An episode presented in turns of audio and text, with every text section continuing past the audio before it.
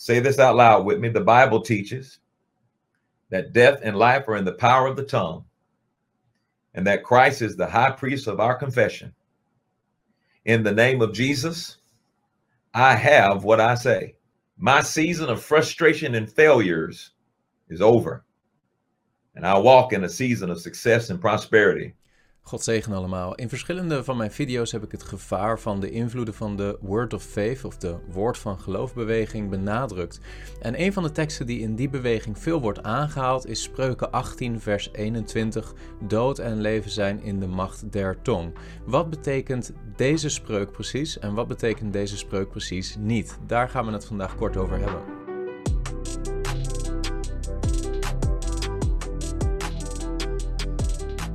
Sommigen van jullie hebben mij gevraagd waarom ik zoveel tijd heb stilgestaan de laatste tijd bij de vermeende gevaren van de zogenaamde Word of Faith of Woord van Geloofbeweging. En dat is omdat ik echt geloof dat dit een gevaarlijke invloed heeft op met name de Pinkster en charismatische beweging in Nederland. Ehm, als je kijkt naar Word of Faith Theology, de Woord van Geloof Theologie, en de ontwikkelingsgeschiedenis daarvan, dan zie je dat daar best wel hele gevaarlijke kernovertuigingen zitten onder de motorkap van woord van gelooftheologie. In de kern gaat het om het volgende. Daar waar christenen geloven dat in het begin de mens is geschapen naar Gods evenbeeld om bepaalde eigenschappen van God te reflecteren, gaat de Word of Faith Theology gaat verder en zegt dat God de mens niet alleen maar heeft geschapen naar zijn evenbeeld om bepaalde karaktereigenschappen of bepaalde andere eigenschappen te laten zien, maar dat Adam bij de schepping ook bepaalde bovennatuurlijke vermogens had en daarin deelde in het beeld van God. Dus zoals God in Genesis hoofdstuk 1 dingen in het bestaan kan spreken door de kracht van zijn woorden, God spreekt, laat er licht zijn en er is licht, geloven zij dat Adam oorspronkelijk geschapen was met diezelfde bovennatuurlijke kracht van woorden. Met andere woorden, Adam, wanneer hij sprak met geloof, had hij dezelfde kracht als God. Door de zondeval, geloven ze in de Word of Faith Theology, is Adam dat vermogen kwijtgeraakt. De relatie met God is verbroken, maar zijn natuur is ook door de zonde beïnvloed, waardoor hij nu niet meer in staat is om op die wijze woorden met kracht te spreken. In de Word of Faith beweging gelooft men dat toen Jezus stierf aan het kruis en weer opstond uit de dood, dat hij door zijn verlossingswerk de mens door middel van wedergeboorte niet slechts heeft uh, veranderd in de zin van eerst tegen God, nu weer voor God. Of um, een wedergeboorte zoals wij dat in nou ja, bijbelstheologie geloven. Hè? Dat, dat het hart van de mens veranderd wordt. En dat een mens overgaat van het zijn van een vijand van God en tegen God. Nu uh, God wil volgen, God wil liefhebben. Dingen die gaan over de wedergeboorte. Hè? De dingen van God lief heeft, de, geest van God uh, nou ja, in zich heeft wonen. Dat zijn de dingen waarvan de Bijbel leert dat wedergeboorte over gaat. In de Word of Faith beweging gelooft men dat, dat de mens ook weer hersteld wordt in zijn oorspronkelijke status als kleine God. En dat betekent dat de mens ook weer zijn bovennatuurlijke vermogens teruggeeft om woorden uit te spreken die kracht hebben. En kracht hebben niet alleen maar in een soort uh, zin van, ja, als jij uh, op je werk uh, in gesprek met je baas en je zegt iets dwaas, dan kunnen die woorden ertoe leiden dat je baan kwijtraakt. Nee, woorden die kracht hebben zoals Gods woorden kracht hebben in Genesis hoofdstuk 1. Dus de mens zou, net als God, dingen bestaan kunnen spreken en die dingen materialiseren. Ex nihilo, die dingen kunnen gebeuren, mits jij voldoende geloof hebt in de kracht van jouw eigen woorden. De Bijbel leert dit niet. Dit is waar de Word of Faith beweging eigenlijk uh, de oorspronkelijke en echte boodschap van het evangelie ondermijnt. Want wat in feite aan de hand is, is dat de mens in die theologie een kleine god wordt en nog steeds uh, in een soort autonome kracht moet gaan staan en moet gaan geloven in de kracht van zijn eigen woorden. Nu, wij zijn wel degelijk opgeroepen om te geloven in de kracht van woorden, maar in de kracht van de woorden van God, niet in de kracht van onze eigen autonoom uitgesproken woorden. En daar zit mijns inziens het belangrijkste verschil met Word of Faith theologie. Wij zijn geschapen naar Gods beeld, we zijn opgeroepen om Jezus te volgen, om discipelen te zijn, het kruis op te nemen en achter hem aan te gaan.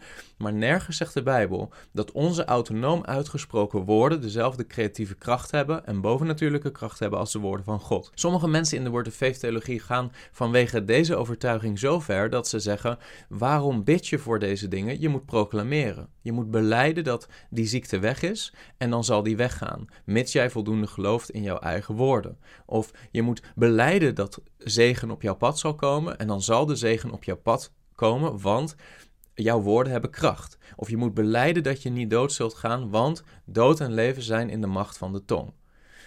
Dit zijn dingen die de Bijbel niet onderwijst. De Bijbel onderwijst wel degelijk dat we ons vertrouwen op God moeten stellen. De Bijbel onderwijst wel degelijk dat Gods woorden kracht hebben, dat wij ons moeten vasthouden aan de daadwerkelijke beloften die de Schrift ons geeft.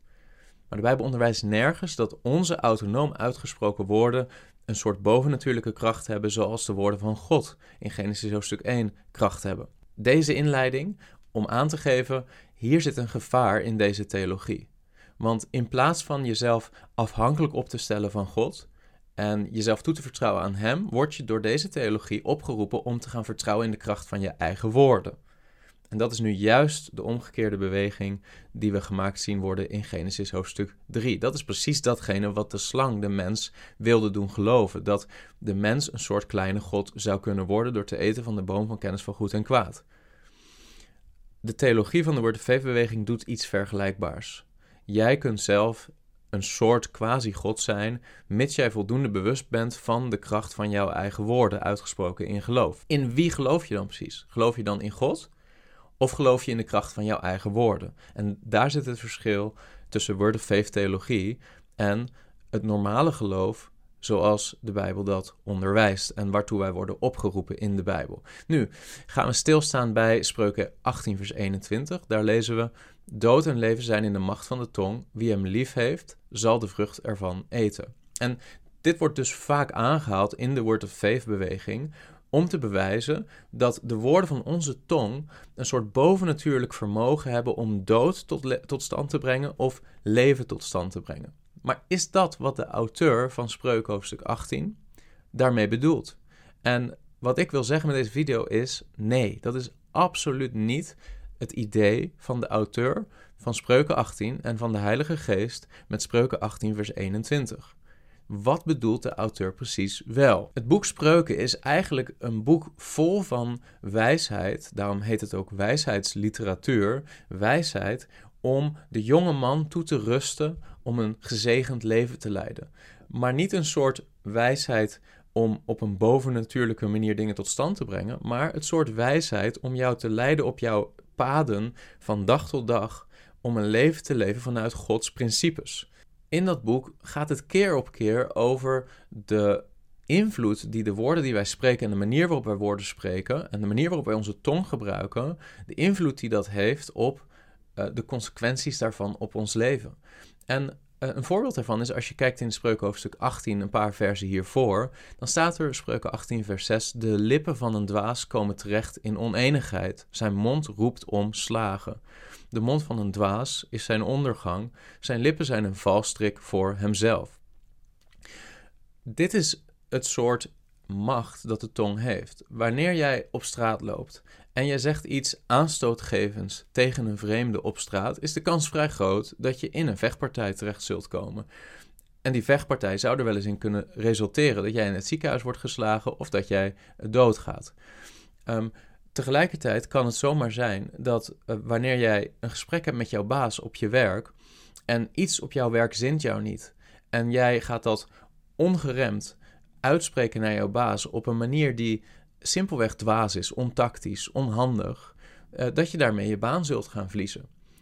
En dat gebeurt. Er zijn mensen die op zo'n manier hun baan verliezen. Er zijn mensen die keer op keer hun baan verliezen omdat ze in conflict komen met hun baas of met hun werkgever, omdat ze hun tong niet kunnen beheersen en vervolgens werkeloos eindigen en alle nare consequenties ervan in hun leven zullen ondervinden.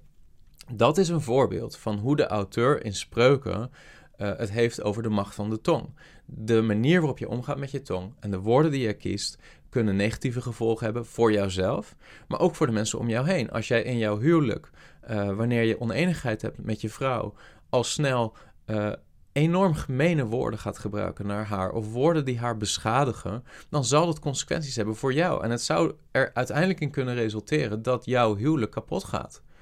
En als jij daarentegen, wanneer je spreekt met je vrouw, hè, of als vrouw spreekt met je man, uh, zachtmoedige woorden kiest, en misschien wel uh, oneenigheid hebt, maar daar op een wijze manier woorden in kiest en op een opbouwende manier feedback geeft, dan kan het zomaar zijn dat je huwelijk daardoor versterkt wordt.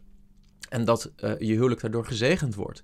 Maar dat is niet op een bovennatuurlijke manier, maar dat zijn hele natuurlijke, principiële zaken in het leven.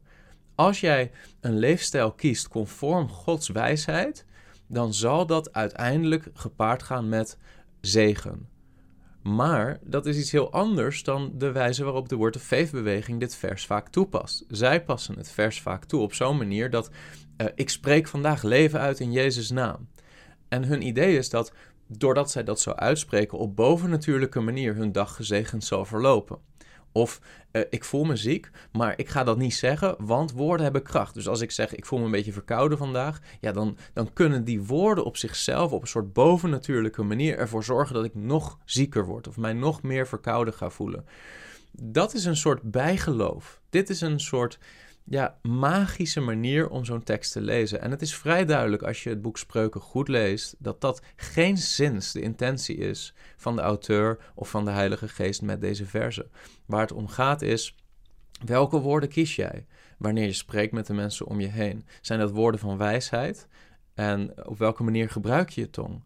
Bouw jij mensen op in de gemeente door hen op een zachtmoedige wijze te herinneren aan de bemoedigende belofte die God doet in de schrift?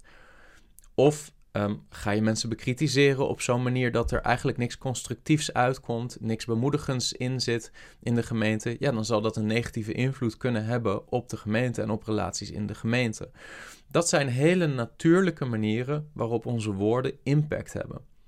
En dat, dat geldt op allerlei domeinen van het leven. Dat geldt in de gemeente, dat geldt in je gezin, dat geldt op je werk. God wil wel degelijk dat wij leren omgaan met onze tong. En de heer Jezus heeft ook gezegd dat ieder woord wat de mens spreekt, daar zal die verantwoording voor moeten afleggen. Het zij uh, woorden die uh, opbouwen, het zij ijdele woorden die andere mensen afbreken of die uh, God beledigen of zijn woord ondermijnen.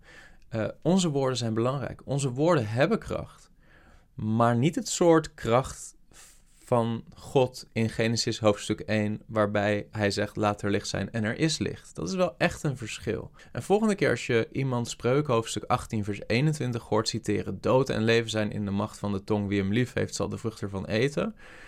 Wil ik je bemoedigen om die persoon eraan te herinneren dat hier geen zins bedoeld wordt dat mensen een soort bovennatuurlijk vermogen hebben om dingen in het bestaan te spreken. Zoals wordt onderwezen door bijvoorbeeld The Secret. Hè? En zoals de beleidenis is binnen de Word of Faith theologie, als je teruggaat naar de oorspronkelijke overtuigingen.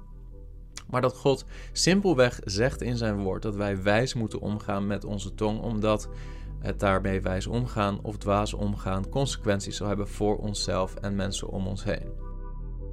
Heb je iets gehad aan deze video? Druk dan op like en wil je vaker dit soort apologetische video's horen? Abonneer dan op dit kanaal. Tot de volgende keer.